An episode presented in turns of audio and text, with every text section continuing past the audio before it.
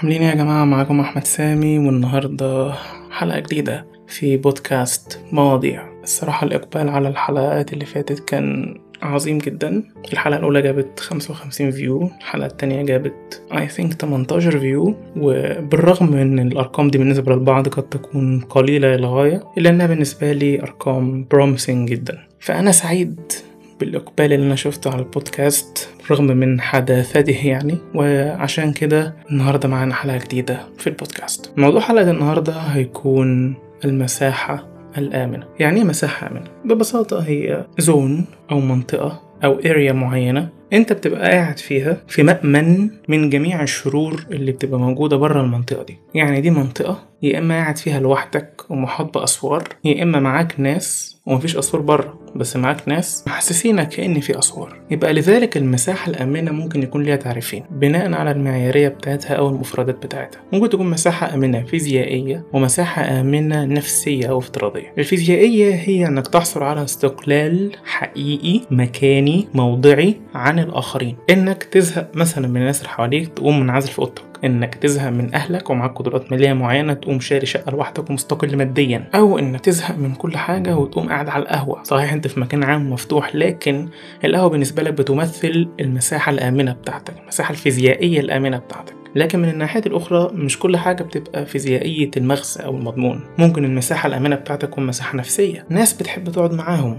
ناس بتحب تتكلم معاهم ناس بتحب تفضفض معاهم. الناس دول هم يمثلوا لك الشيلد أو الدرع اللي يقدر يحميك من كل حاجة سيئة بتحصل بره من كل حاجة سيئة بتدمر نفسيتك وبتحسسك بالإحباط وبتحسسك إنك worthless ملكش لازمة. خلاص يعني آه الناس دول أنت من غيرهم ولا حاجة. فدول بالنسبة لك فعلا المساحة الآمنة الناس المحظوظين جدا بيبقى عندهم النوعين من المساحة الآمنة بيبقى عندهم المساحة الآمنة الفيزيائية والمساحة الآمنة النفسية. لكن في بعض الناس بيبقى عندهم نوع واحد فقط فبالتالي بيبقى عندهم نقص. وحاسين إن في حاجة واقعة منهم في حاجة محتاجين يلاقوها. وفي ناس تالتة خالص ما عندهاش لا ده ولا ده. دول بقى حالتهم صعبة أوي. حالتهم صعبة أوي عشان هم حتى مش قادرين يحصلوا على المساحة النفسية الآمنة اللي هي تعتبر ال bare minimum أو الحد الأدنى للمساحة الآمنة لأي شخص ممكن يحصل عليها في حياته. وده نظرا لحاجتين يا إما يكون هو نفسه بيصد الناس عنه يا إما هو شخص بغيض. الشخص البغيض هو شخص أفعاله وتصرفاته بتبقى غير إنسانية بتبقى سيئة وفي الآخر يقول أنا قاعد لوحدي ليه؟ أنا محدش بيعبرني ليه؟ أنا محدش مهتم بيا ليه؟ محدش بيديني الدعم ليه؟ ليه؟ ليه؟ ويفضل يسأل نفسه مليون ليه وليه؟ لكن لو بص لنفسه بس هيعرف إن أفعاله طريقة حديثه مع الناس الكلام اللي بيطلع من بقه قبل ما يعمل له معالجة جوه ما يسمى المخ أو العقل الحاجات دي كلها بتخليه شخص بغيض.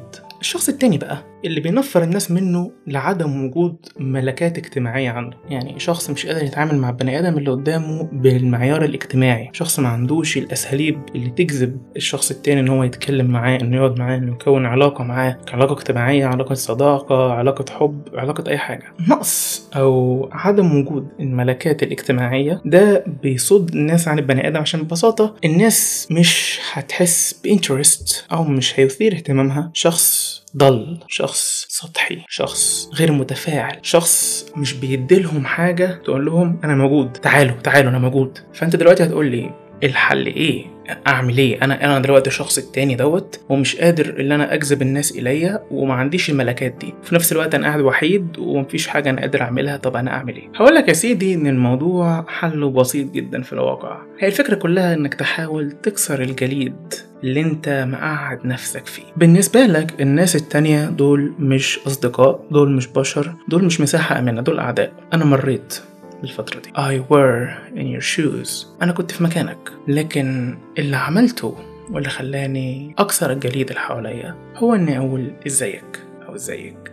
إني أقول هاي إن أنا مثلا لو في قعدة أنا قاعد فيها مع ناس ساكت أو مصمت مش قادر أتكلم ولا عايز أتكلم ولا عارف أتكلم. وليهم كلهم بيتكلموا في طابق معين في موضوع معين أو ما أنا داخل في النص بمنتهى الغباء بمنتهى الغتاتة. رامي جملة. أنا كده جذبت الانتباه. صحيح أنا جذبت الانتباه إن أنا شخص فوضوي إن أنا شخص أهبل إن أنا شخص عايز اتحشر في الطبق وخلاص. لكن لكن دي بالنسبة لك نقلة كبيرة قوي دي بالنسبة لك محاولة لكسر الجليد محاولة لإثبات إنك موجود بصولي أنا أستحق الاهتمام أنا أستحق اللي أنتوا تاخدوا بالكم مني. وبالفعل الخطوة اللي انت ممكن تكون فاكرها جريئة وغشيمة جدا دي هي دي الخطوة اللي هتخليهم يبصوا لك وتخليهم يشركوك في ال topic اللي هم بيتكلموا فيه. صحيح الخطوة اللي بعدها هتكون أصعب شوية اللي هي انك تكمل في ال topic لكن دي حلها إنك تسمع تسمع وترمي جملة تاني. تسمع تسمع وترمي جملة تاني. فجأة هما يبتدوا يتداركوا اللي أنت شخص. لا أنت ممكن يبقى ليك لازمة في اللي هما بيعملوه. ممكن تبقى ليك تأثير في ال topic اللي هما بيتكلموا فيه. ممكن ترمي إفيه ممكن ترمي نكتة. ممكن تتكلم بجدية. ممكن تضيف حاجة للفكرة الكبيرة اللي هما بيتكلموا فيها. بعدها يهتموا بيك وهيشركوك في الحوار. وصدقني بعد ما تطلع من القعدة دي هتحس إنك شخص مختلف تماما. صحيح لما ترجع بيتك أو لما تبتدي تدخل تاني في القوقعة والصومعة بتاعتك هتحس إن كل دوت ملوش لازمة لكن فعليا هو له لازمة. عشان ده لما تيجي تقعد مع ناس تانية أو مع نفس الناس حتى في يوم تاني في مكان تاني وتتكلموا عن توبك تاني بعدها أنت مش هتقعد قامت صامت هتلاقيهم هم اللي بيوجهوا اليك الكلام هم اللي بيسحبوك وبيجروك معاهم. مع الوقت هتبتدي تبني مهارات اجتماعية بدائية للغاية. المهارات دي هي اللي في يوم من الأيام في إيديها إنها تفك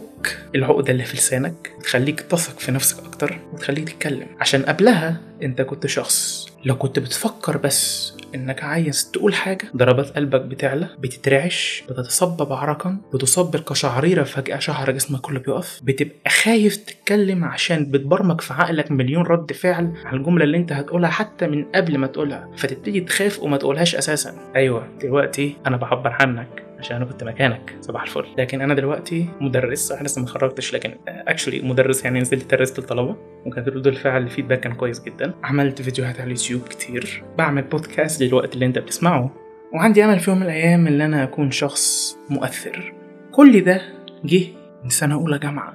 السنة اللي أنا قدرت فيها أنفتح السنة اللي أنا قدرت فيها أتجرأ والسنة اللي أنا قدرت فيها أكون صداقات لأول مرة في حياتي. عشان كده بقول لك كسر الجليد محاولة صعبة تجربة قاسية ومؤلمة للغاية لكن لكن بالرغم من قسوتها وألمها إلا أنها هتكون المعول والسبب الوحيد اللي تخليك بني آدم قادر إنه يتفاعل مع غيره بهدف إنه يخرج بحاجة من هذا التفاعل. سواء كانت إثبات موقف سواء كانت تعلم معلومة سواء كانت تكوين صداقة أو حتى إن هو يكون مساحة آمنة اللي إحنا بنتكلم فيها من الصبح. فعشان كده يا سيدي المساحة الآمنة بتاعتك حاول أول نوع منها هو اللي يكون في إيدك. بعدها لو قدرت تتحصل على النوع التاني يكون شيء عظيم. حاول دايما تحيط نفسك بالناس اللي زيك اللي زيك. ولو هم مش كلهم زيك احرص إن هم يكونوا متقبلينك وفاهمينك على اللي تقدير عشان أنت لو حاولت نفسك بناس مش من نوعك مش من تايبك مش من جلدك مش من مشتقاتك.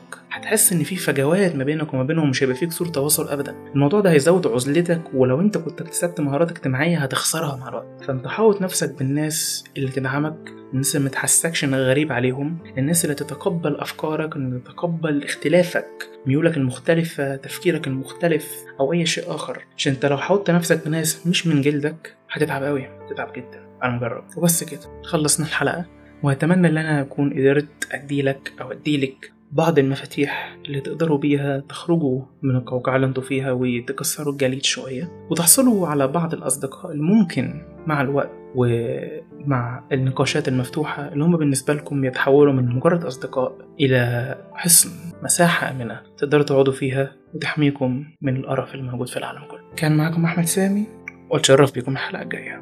سلام.